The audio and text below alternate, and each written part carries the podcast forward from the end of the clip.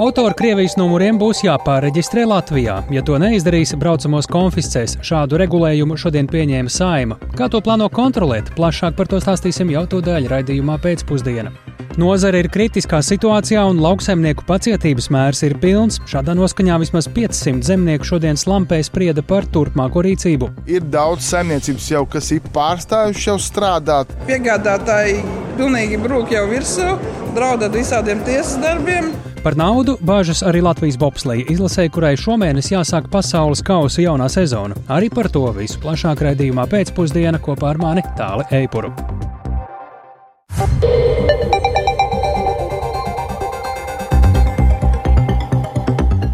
Pūkstens rāda 16,5 minūtes, skan pēcpusdienas ziņu programma, skaidrojot šodienas svarīgus notikumus. Studijā tālāk Seipurs. Labdien! Ar svilpieniem Ūģināšanu un gaismas pils dziedāšanu šodien sākās dziesmu un deju svētku izvērtēšanas konference, kurā diriģenti asi vērsās pret kultūras ministri, prasot lielākas algas. Lai gan atskats uz vasaras notikumiem oficiālajā scenārijā bija paredzēts pavisam citā noskaņā, notiekošais liecina, ka aiz emocionālā un svētku sajūtas piepildītā notikuma vasarā stāv milzum daudz neatrisinātu jautājumu. Kolēģi Agnīlās Diņa šodien sekoja līdzi svētku konferencei un tūdaļ arī pastāstīs par visu tajā notikušo plašāk. Un atbildi, vai jūs aizstāvēsiet mūs?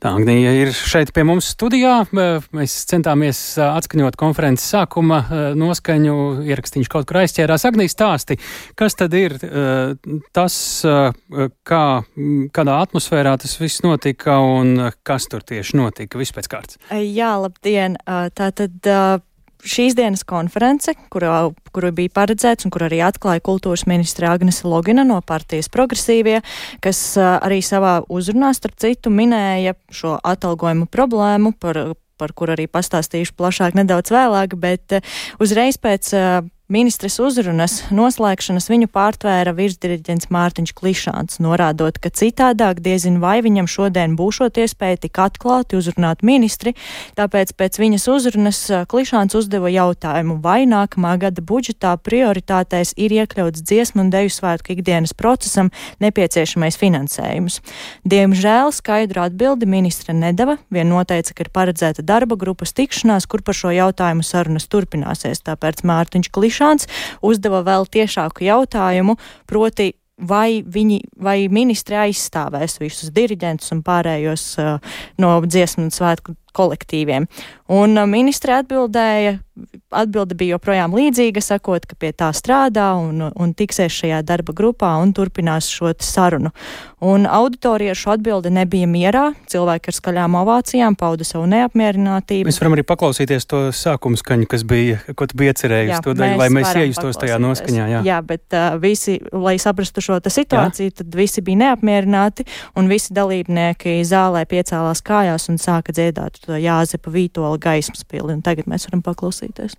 Un atbildi, vai jūs aizstāvēsiet mūs? Nu, kā jau es teicu, mēs pie tā strādājam. Tad mēs rīt tiekamies, uh, turpinām strādāt. Nu, es, nu, es, nu.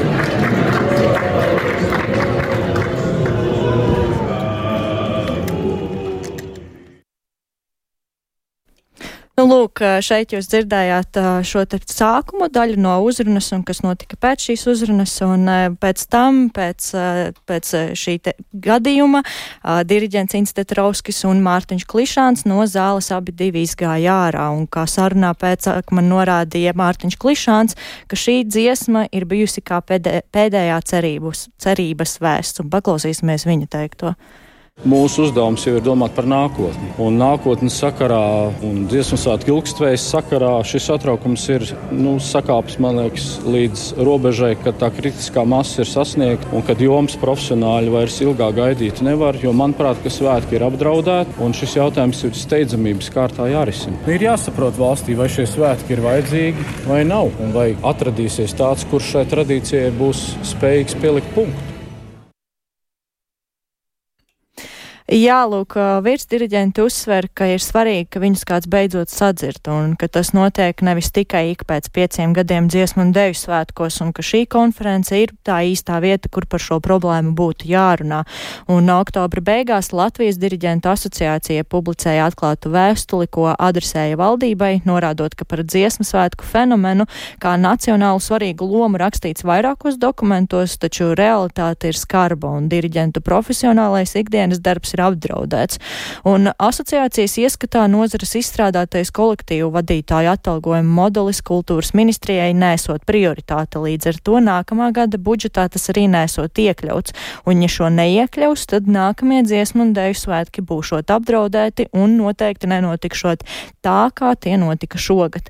Un, kā stāstīja konferencē, un tostarp arī norādīja diriģenti, šobrīd dziesmu svētku kolektīvu vadītāji par darbu, par vienu kolektīvu no valsts saņemot 39,69 eiro mēnesī pēc nodokļu nomaksas, un tie ir aptuveni 800 eiro gadā. Tas ietver gan koru, gan deju kolektīvu, kokļu ansambļu un pūtāju orķestru vadītājus. Savukārt pārējie dziesmu svētku kolektīvu vadītāji par vienu kolektīvu vadīšanu saņem 19,84 eiro, kas ir aptuveni 400 eiro gadā. Un, un šī summa arī ir pēc uh, nodokļu nomaksas un pārējo finansējumu kolektīviem nodrošinot pašvaldības, un tas varot būtiski atšķirties. Lai nodrošinātu konkurētspējīgu atalgojumu, nepieciešami 16 miljoni eiro, bet, lai nodrošinātu minimālo tādu kā izdzīvošanas atalgojumu, ir nepieciešami 4,9 miljoni eiro. Un uh, tas, ko uzsver diriģenti, ir, ka sabiedrībai ir jāsaprot, ka necīnās par tūkstošiem, bet par pašu pašu minimumu. Taču, kā no norādīja kultūras ministra Agnese Logina, tā ir kompleksa problēma, ko ir jārisina kopīgiem spēkiem, sadarbojoties. Paklausīsimies viņas teikto. Godīgs, saprotams, pamatots atalgojums, kas ir cieņpilns un kas palīdz turpināt uh, Latvijas kultūras nākotni, tā ir mana politiskā prioritāte. Tā ir arī mana politiskā spēka prioritāte. Atalgojuma problēmas tās nav radušās pusotra mēneša laikā. Mēs runājam par lielām struktūrālām problēmām, kas ir tiešām nu, gadu gaitā radušās. Tā ir tā skarbā realitāte, kuru es risinu. Mēs ejam soli pa solim uz priekšu. Es tiekos ar nozarēm, tiekos ar vadītājiem, runājam runājam, meklējam variantus, ejam pie finanšu ministrijas, runājam, bet tiešām nu, šis ir kopdarbs. Bet nedaudz vēl par konferenci. Visas dienas garumā notika svētku izvērtēšana, kurā diskutēja gan par izaicinājumiem, gan risinājumiem, tendencēm, sadarbību un nākotni un daudz, daudz ko citu. Piemēram, pēc svētkiem tika veikta svētku dalībnieku aptauja, kuras rezultātus šodien prezentēja, un tas galvenais secinājums no šīs aptaujas ir tāds, ka tie svētku dalībnieki, kas jau vairāk kārt ir piedalījušies, esot arī visizturīgākie, jo, piemēram, runājot par slodzi visus svētku laikā, viņi bija tie, kas norādīja, ka nesot tik grūti un tik smagi, kā piemēram to uzsvēra tie dalībnieki, kas piedalās pirmo reizi vai pāris reizes dziesmu svētkos. Tāpat arī, piemēram, runājot par repertuāru, visaugt, visaugstāk to novērtēja dejotāji, taču viskritiskāk tos pētīja tieši koristi. Un uh, konferencē bija arī dažādi risinājumi nākamajiem svētkiem, dažādas diskusijas, bet uh, kopumā pēc uh, šī asā konferences sākuma un atklāšanas atlikusī daļa pagāja tādā mierīgā gaisotnē, kur arī ik pa laikam varēja šo svētku sajūtu. Paldies Agnēlā Zdiņai, tik tālu par dziesmu svētku konferenci, kurā izcēlās arī zinām, izrādiem, zināmiem izrādes elementiem. Bet par Bezatbildīgu rīcību ar pilsētas budžetu pašvaldību ministre šodien atstādinājusi Rēzeknes mēru Aleksandru Bartaševiču. Secināts, ka ar vairākiem vienpersoniskiem lēmumiem pilsētas saimnieks novedis pašvaldību līdz finanšu krīzei. Par to, vai krīzē vainojami arī citi domnieki, šobrīd vēl vērtē valsts kontroli. Tās secinājumi var novest arī pie visas domas atlaišanas. Vairāk par tematu stāsta Paula Dēvica. Reizeknes domas priekšsēdētājs Aleksandrs Bartaševičs no partijas kopā Latvijai jau iepriekš nereti parādījies ziņu virsrakstos ar skaļiem lēmumiem, kas skar pašvaldības finanses. Mēra patvaļīgā darbība nu rezultējusies finanšu krīzē. Tas bijis par pamatu pašvaldību ministres Ingas Bērziņas no jaunās vienotības šodienas lēmumam Bartaševiču atstādināt. Pilsētas saimniekam piedēvē vairākus pārkāpumus. Viņš apzināti nenodrošina apstiprinājis šī gada budžetā visu nepieciešamo finansējumu. Naudas pietiek vien 11 mēnešiem. Mērs ir zinājis, ka naudas nepietiks, taču domas sēdē deputātiem to nav atklājis. Tas nozīmē, ka ne bērnu dārziem, ne skolām, ne sociālajiem dienestam nav ieplānots pietiekami daudz naudas arī darbinieku algām. Pārkāpumi saistīti arī ar aizņēmumiem bez finansiāla seguma. Turpina varam ministra Inga Bērziņa. Kopumā šī mēra darbība ir um, bezatbildīga. Es domāju, tā ir arī nihilistiska attieksme kopumā pret uh, publisko finansējumu, jo pašvaldība nerīkojas ar, ar savu personīgo naudu, bet ar publisko finansējumu, kas ir visu nodokļu maksātāju iemaksas, ne tikai to personu, kuras varbūt šajā brīdī pārstāv domi. Līdz ar to manā ieskatā šāda mēra rīcība nav, nav pieņemama, nav pieļaujama tiesiskā valstī. Un, tādēļ arī ir šis mans lēmums par Rezeknas mēra atstādināšanu. Tāpat pagājušajā gadā Bartaševičs ir vienpersoniski parakstījis līgumu par būvdarbu turpināšanu vairāku miljonu vērtībā bēdīgi slavenā Rezeknas spā centra izveidei. Jau ziņots, ka dārgā centra izbūvi pašvaldība pati saviem spēkiem pabeigt nevar. Arī investorus un nomniekus šim projektam atrast neizdodas. Mēra patvaļīgie lēmumi ieveda pilsētu finanšu krīzē un, lai to risinātu, vēl tika pieņemts lēmums atlaist 60 pašvaldības darbinieku. Tā rezultātā, piemēram, sociālo darbinieku skaits, kurš Reizeknē jau tā nebija pietiekams uz iedzīvotāju skaitu, kļuva vēl mazāks. Finansiālā situācija pilsētā piesaistījusi arī valsts kontrolas uzmanību. Šobrīd notiek pārbaude, lai noskaidrotu, vai par finansiālo krīzi atbildīgi arī citi domnieki. Turpina revīzijas un metodoloģijas departamenta direktore Ilze Bādere. Nav tā, ka ietu gluži raiti šajā revīzijā tieši arī domājot par šo informācijas iegūšanu. Mēs gan esam um, laipni pieslēgti grāmatvedības uzskaitas sistēmai un mēs tiekam pie datiem. Um, bet arī mums ir radušās dažādas grūtības ar, ar, ar informācijas ticamību. Tur prasa papildu laiku saskaņot un pārliecināties, ka tā informācija, kas ir mūsu rīcībā, tā ir pilnīga un patiesa. Tā kā jebkurā gadījumā mēs ar to strādājam, un tie pierādījumi mums ticami atbilstoši un pietiekami ir jāiegūst. Revīzijas starpziņojums ir gaidāms decembra 20. datumos, tad arī pašvaldību ministrija vērtēs domas atbildību. Taču šobrīd līdz jaunai mēra iecelšanai vai lēmumu pārsūdzēšanai Barta Ševiča vietā pilsētā saimniekos viņa vietnieks Aleksejs Stets no saskaņas. Atstādinātajam mēram ir tiesības mēneša laikā iesniegt apelāciju ministrs rīkojumam. Šis nav pirmais gadījums, kad pašvaldību ministrs pieņem šādu lēmumu.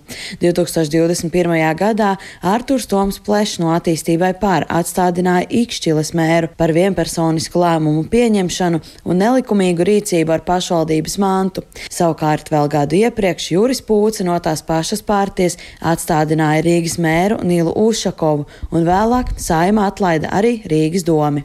Paula Dēvica, Latvijas radio. Nu, un jau šodien atstādinātā mēra vietā Reizeknes domas sēdī vadīja viņa vietnieks Aleksais Stets. Tiesā kvoruma trūkuma dēļ sēde, kurai bija jāsāks pirms stundas, tā arī nenotika. Ieradušies bija vien 6 no 13 deputātiem. Sēde pārcelta un plašāk klausāmies sievietes čigānas sagatavotajā ierakstā no Reizeknes. Šodien kārtējo Rezeknes pilsētas domes sēdi vada domes priekšsēdētāja vietnieks un nu jau bijušā mēra Aleksandra Bartaševiča izveidotās partijas kopā Latvijai biedrs Aleksejs Stets. Preses konferencē, kas tika sasaukta vien pāris stundas pēc oficiālā varam paziņojuma par atstādināšanu, Bartaševičs uzsvēra, ka varam ministres Ingas Bērziņas pieņemtais lēmums ir pret viņu vērsta politiska izrēķināšanās. Noteikti mēs ļausim tiesai strādāt ar šo rīkojumu, un uh, noteikti būs uh, sagatavota sūdzība.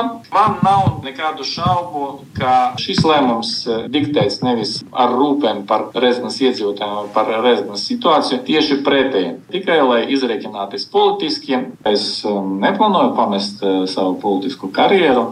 Rezeknes pilsētas domas opozīcijas deputāte Ināra Groce, ievēlēta no vairāku partiju apvienotā saraksta, uzskata, ka pašlaik priekšsēdētāja maiņa Rezeknē nenesīs krasas izmaiņas. Tāpēc viņas prāt arī lēmums par visas pilsētas domas atlaišanu būtu pieņemams. Ceru, ka sāksies tās izmaiņas, kas varbūt nav saistītas tikai ar pašvaldības deputātu darbu. Mm arī ar attieksmi, ar varbūt arī publisko pārvaldi, ar sabiedrības iesaisti. Jo šobrīd pēc likuma jau tāpat jau nu bijušais domas priekšsēdētājs, viņš paliek par deputātu un sasaukumā ir 13 deputāti, no kuriem tikai 5 ir opozīcijas deputāti. Tātad pēc likuma tiks izvirzīts jauns kandidāts domas priekšsēdētāja amatam, un ņemot vērā šo salikumu, mēs uh, varam prognozēt, ka diez vai tas būs no šiem pieciem deputātiem. Viņam tik un tā šobrīd ir astoņu balsu pārsvars. Ļoti ceru, ka nākot pašvaldību vēlēšanām arī sabiedrība vairāk vērtēs un domās par tiem cilvēkiem, kas tiek ievēlēti. Rezeknes ielās uzrunāto cilvēku domas par Aleksandra Bartaševiča atstādināšanu dalās. Nu, ja nedomā par parādiem, protams, superīgi, jā, izskatās fantastiski pilsēta, sakopta slēgta un nu, nu, tiešām viss tiek, tiek būvēts. Un, bet, eh, nu, kad sāk iedziļināties un par tiem parādiem, tad, protams, nu, matis stāvs. Es teikšu, ka tas ir slikti. Esmu par to, lai viņš paliktu. Patīk viņa lēmumi. Nu, laikam vēl kaut kas neklapē. Viss jau iet no galvas. Nu, protams, kaut kur kāda paviršība neliela vai kas. Noteikti tie visi, kas strādāja viņa vadībā, tāpat tās uzsāksies kaut kāda tāda. Nu, Saprotiet paši, kā tas viss mainās. Kas iet līdzi, kas ir pretī visādi. Tur tas nav labi. Protams, ka nav labi. Nu, Mēs esam satraukušies. Cik pazīstu cilvēkus, daudz ir vīlušies, jo viņš jau centās pilsētas labā. Es neticu, ka kaut kāds naudas piesavināšanās vai līdzekļu trūkums budžetā ir viņa vainas dēļ. Iespējams, ka izdosies atrast labāku kandidātu. Valsts kontrole turpina revīziju pašvaldībā, lai gūtu patiesu informāciju par faktisko finanšu situāciju un šī gada budžeta vadības procesu. Rēzeknes pilsētas pašvaldības finanšu stabilizācijai līdz gada beigām vajadzīgi 6 miljoni eiro. Ivete Čigāne, Latvijas radio studija Latgalē. Transporta līdzekļiem ar Krievijas numuriem aizliegs no nākamā gada februāra vidus braukt pa Latvijas ceļiem. Nepāreģistrētos auto konfiscēs. Tā šodien nolēmusi Saima. No novembra vidus būs trīs mēnešu pārejas periods, kad auto vai nu jāpāreģistrē, vai tam būs iespēja izbraukt no Latvijas. Kolēģis Jānis Kīncis tūdaļ ir gatavs izstāstīt vairāk. Sveiki, Jāni, lūdzu! Sveicināti! Jā, Atgādināšu, ka rudens sākumā Eiropas komisija nolēma, ka Eiropas Savienībā no 12. septembra aizliegts ievest Krievijas pilsoņu privātos automobīļus, telefonus, rotas lietas un citas preces, kas uzskatāms par aizliegto importu. Uz tiem spēkratiem, kas Eiropas Savienībā iebraukuši no Krievijas līdz tam, te kādu laiku šie iero, nekādi ierobežojumi nav noteikti. Taču nulikā apstiprinātie ceļu satiksmes likuma grozījumi no nākamā gada februāra Latvijā aizliegs piedalīties satiksmē, satiksmē ar transporta līdzekļiem ar Krievijas reģistrācijas numuriem. Paredzēts, ka šis likums stāsies spēkā 15. novembrī, un no tā brīža būs trīs mēnešu pārejas periods līdz 14. februārim. Un likums paredz divas iespējas. Šajā laikā Krievijā reģistrētu spēkratu jāpāreģistrē izmantošanai Latvijā, vai arī tam jāatstāja Latvijas teritorija. Mm, arī pārreģistrēšanas process noteikti nebūs vienkāršs, jo, piemēram, Krievijas tirgumu piemērotu spēkratu Latvijā būtu jāsertificē atbilstoši Eiropas Savienības kaitīgo izmešu normām. Tās atšķiras. Vēl viena papildu iespēja arī pēc 14. februāra saņemt atļauju vienu reizi šķērsot Latvijas teritoriju tranzītā, lai izbrauktu ārpus Eiropas Savienības. Pēc 14.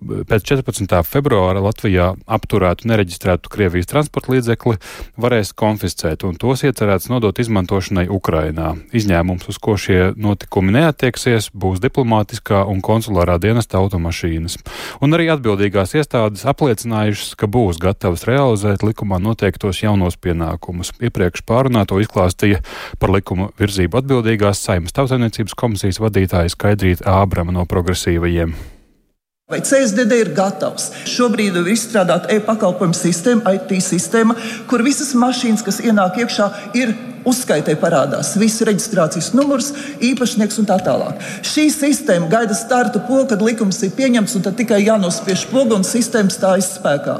Iekšlietu ministrija apliecināja, ka policisti sapratīs, kāds ir tas process. Mašīna apstādina, e, sots, izņemšana, un pēc tam izskata policijā šo visu informāciju, un tad notiek konfiskācija.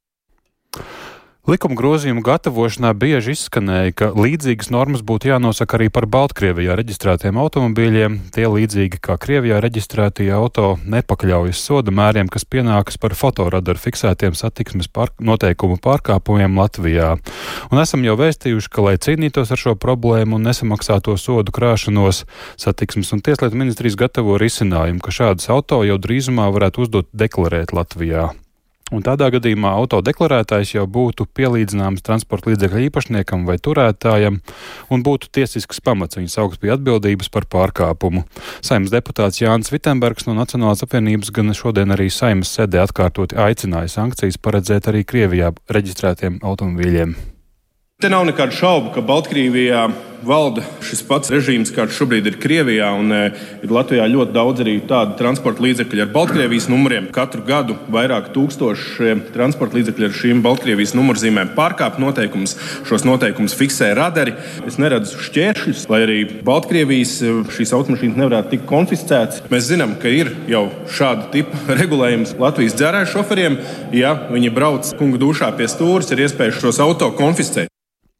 Tomēr šis priekšlikums saimnes vairākumu atbalstu neguva un uh, pamatojumu tam jau iepriekš sniedz ārlietu ministrija, proti Baltkrievijā reģistrētie auto nav iekļauta Eiropas komisijas regulā par aizliegtām importa precēm.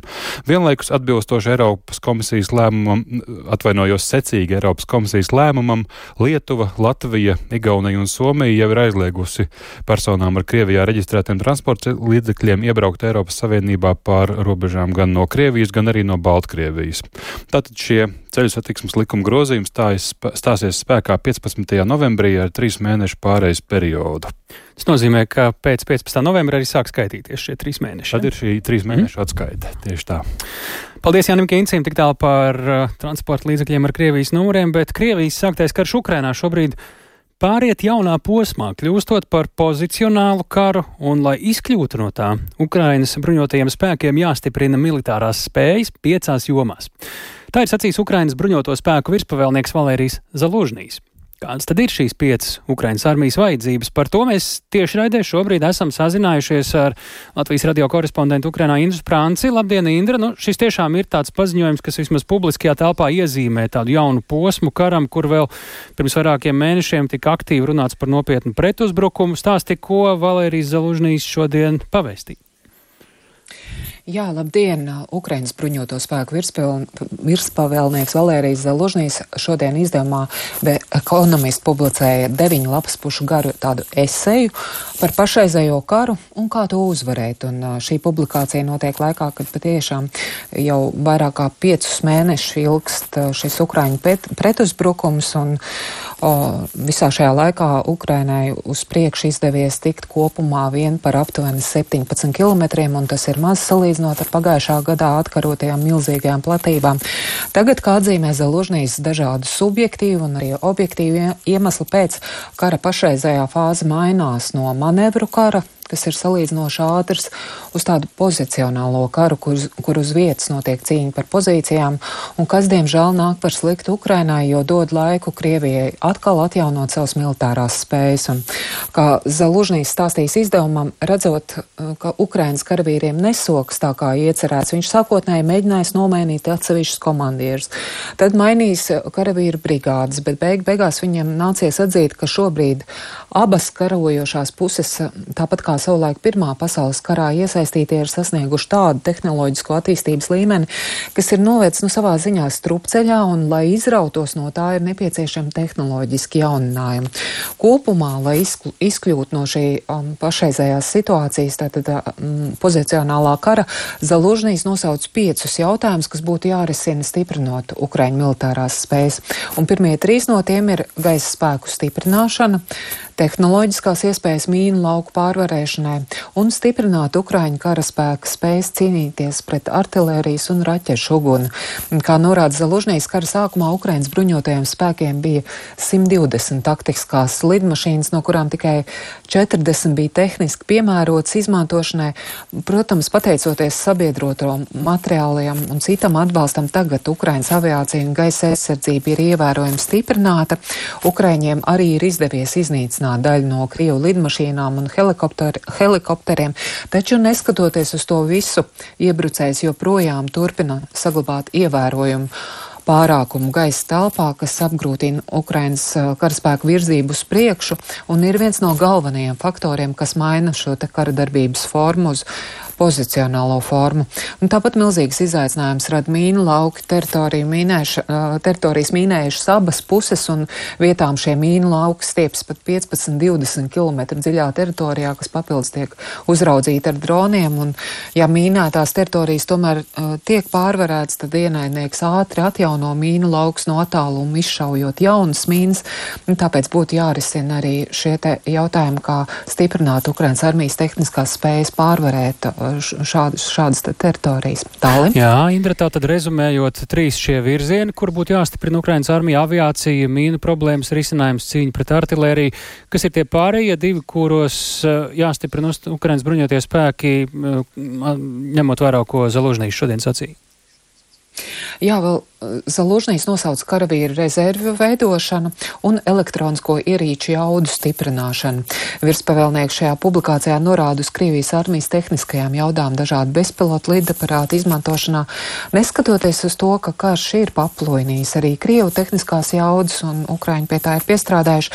Šai jomā Krievija turpina saglabāt pārākumu un Kupjānskas Bahmutas virzienā ienaidniekam pat izdevies izveidot tādu kā slāņveida elektronisko kara sistēmu sistēmu, kuras elementi pastāvīgi maina savu atrašanās vietu.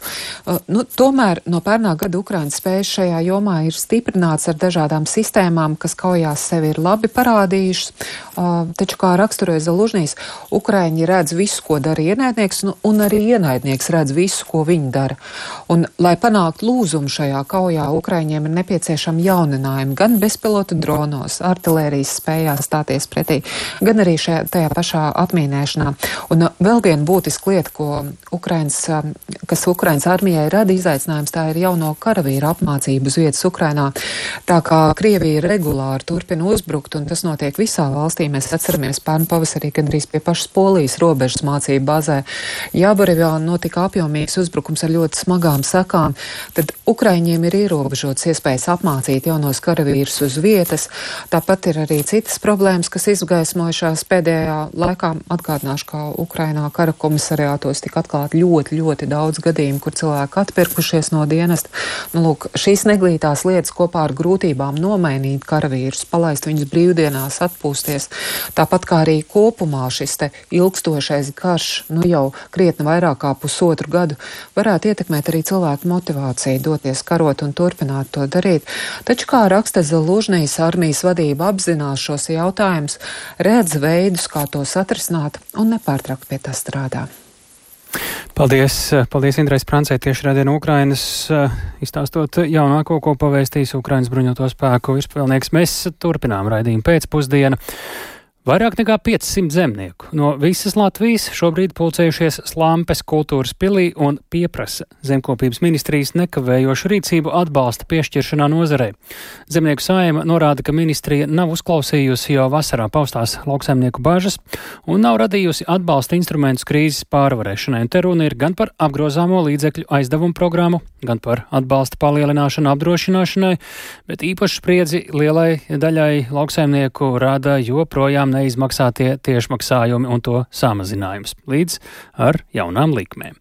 Tas viss saimniecībās apdraud saistību izpildi, un uz ārkārtas sēdi ir devusies, vai sanāksmi ir devusies arī Sintīna Ambote.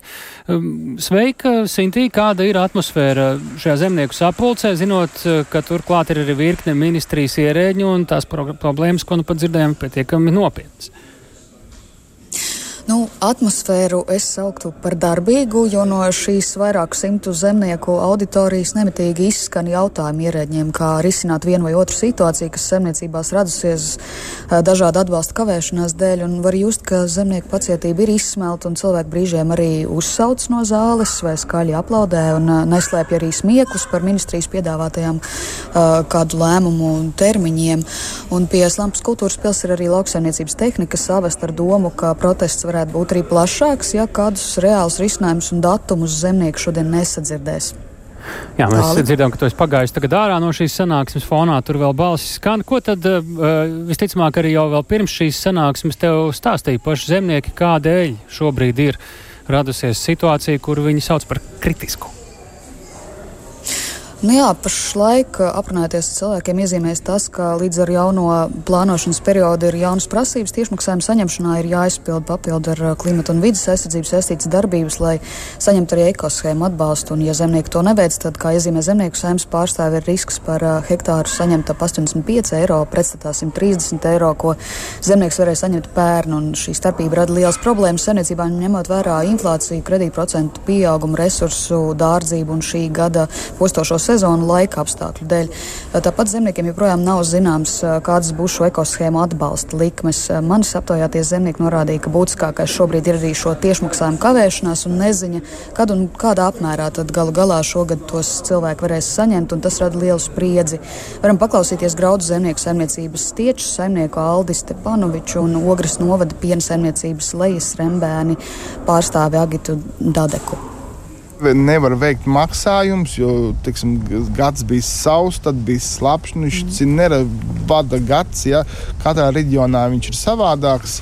Un, un, un, un, mums jau arī tie maksājumi viņiem būs nākošais gads uz Jāņiem. Parasti, un, kad ir? Un parasti jau ir šī laikā, tiksim, gada beigām. Par vēlu būs tiešmaksājumi. Tā ir tā galvenā. Jā, jā, jā, jo ir daudz saimniecības jau, kas ir pārstājuši jau strādāt, jā, un, un tiksim, ir uzņēmumi, kas jau piedāvā ieķīlāt uh, zemnieku saimniecību. Tas ir nāku, nāku vēl viens pakāpiens līdz bankrotam. Tas veicina to, ka um, arī lauksaimniecības skolas paliks tukšas. Ja. Mēs esam bioloģiskā saimniecība, mums arī bioloģiskās subsīdijas neesam saņēmuši. Visi piegādātāji pilnīgi brūk jau virsū, draudot visādiem tiesas darbiem. Bet parasti šajā laikā taču ir jau. Jā, jā, jā. Pagar, parasti mēs saņemam, kā 16. saņēmām tos vienotos, tā otrā vai trešā dienā saņēmām arī tos bioloģiskos. Šogad ir pirmais gads, kad nu, laik, sakarā laikam ar to jauno programma visu ir tas, ka mēs neesam vēl šogad saņēmuši. Dievs dod, ka neviens neiesūdz tiesā un nepiedzen lielas naudas. Kopumā zemnieku saima šajā sapulcē izvirzīja sešas akūtas problēmas, tostarp atbalsta trūkums kredītprocentu dzēšanai un jaunā elektroniskā sistēma atbalsta pieteikuma aizpildīšanai, kas esot vēl arī pie visām problēmām milzu jauna birokrātiska slodze. Tāpat vērš uzmanību uz atbalstu apdrošināšanai, proti aicina valsts atbalsta intensitāti palielināt, tāpat lauksaimnieki joprojām iestājas par samazināt 5% likmi augļiem un dārzņiem, un kā vienu no būtiskākajiem atbalstiem izceļ aizdevumu programmu, kas paredzēta tieši apgrozāmiem līdzekļiem, tātad ar mazākiem procentiem nekā komercbankās, un šī programma ilgstoši netiek ieviesta. Zemnieks zemes pārstāvis vēl vērs uzmanību, ka lauksaimniekiem joprojām nav izmaksāts atbalsts no Eiropas 6,5 miljonu eiro apmērā par pavasara salmu postījumiem augļu un ogu platībās un, un citi līdzīgi atbalsti piena lopkopībā, kas to situāciju vēl vairāk sāsina. Tāli. Jā, Sintīs, saprotu, šobrīd sanāksme rit pilnās parā. Mums bija paredzēts arī šobrīd sazināties vai iecerēts tā jāsaka ar zemkopības ministru Armandu Krauzi, bet es varbūt tur redzu pa kādu gabaliņu, viņš varbūt arī tieši ir uz skatuves šobrīd, jā. Un tiek tincināts no. Jā, ministra kungs Jā, patiešām ministra kungs ik pa brīdim uh, kāpj uz skatuves un cenšas arī uh, ko atbildēt. Un, un jā, iespējams, šajā brīdī nevarēs varbūt komentēt situāciju. Jā, pie tā tad arī paliekam un sakām lielu paldies Sintijai Ambotei. Tātad šodien Latvijas vairāk nekā 500 zemnieku šobrīd pulcējušies Slampes kultūras pilī, pieprasot zemkopības ministrijas nekavējošu rīcību dažāda veida plānotā vai vajadzīgā atbalsta piešķiršanā nozarei.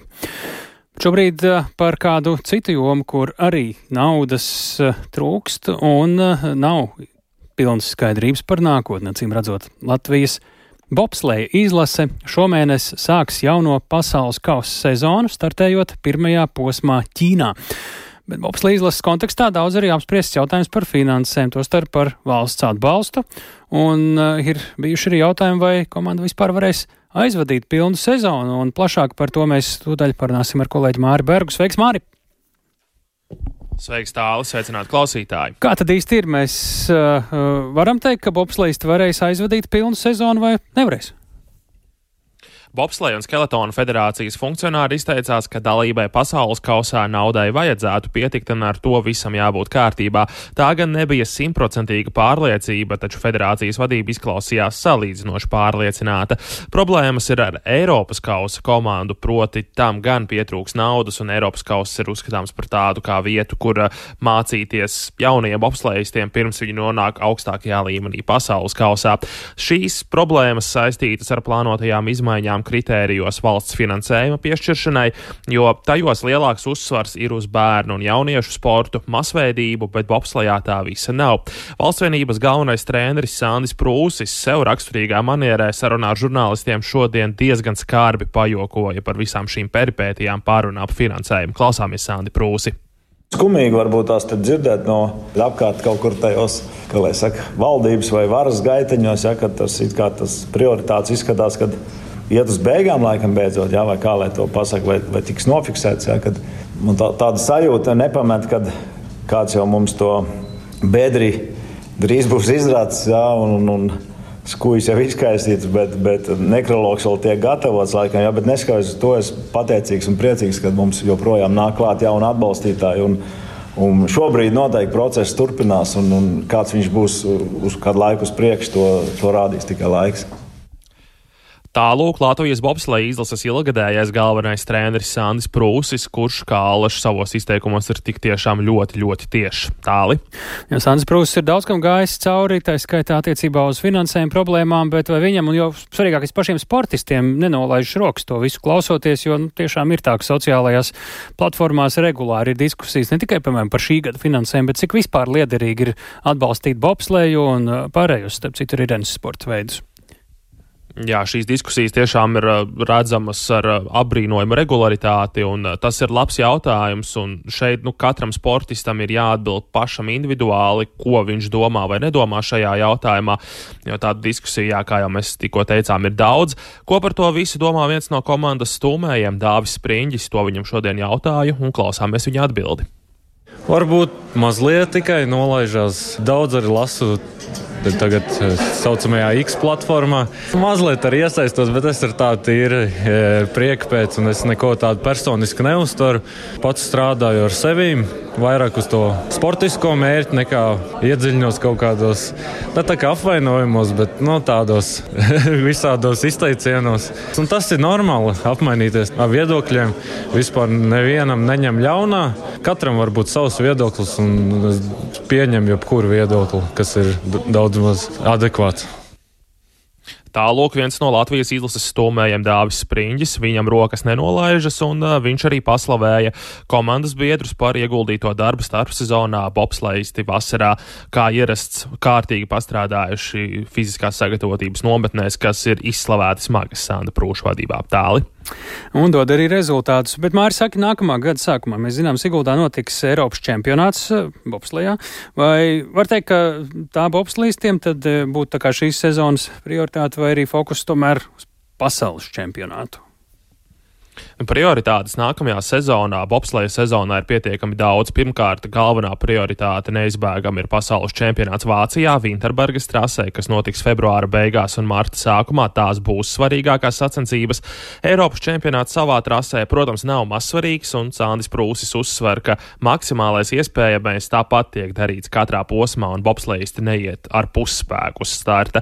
Marta beigās, beigu beigās vēl būs jābrauc uz ASV, uz Laikplēsidas trasi, kur notiks pasaules kausa kausa pēdējais posms, un tur Latvijas izlases gados jaunajiem pilotiem jākrāj pieredze jau 2025. gadam, kad šajā sarežģītajā ASV trasē notiks pasaules čempionāts, un visam šim tāds caurvijošais temats tik tiešām ir pieredzes krāšana, jo gan Emīls Cipolis, gan Jākaps Kalenda, abi jaunie piloti, viņiem ir vairākas rases, kuros viņi nekad nemaz nav startējuši. Tāli.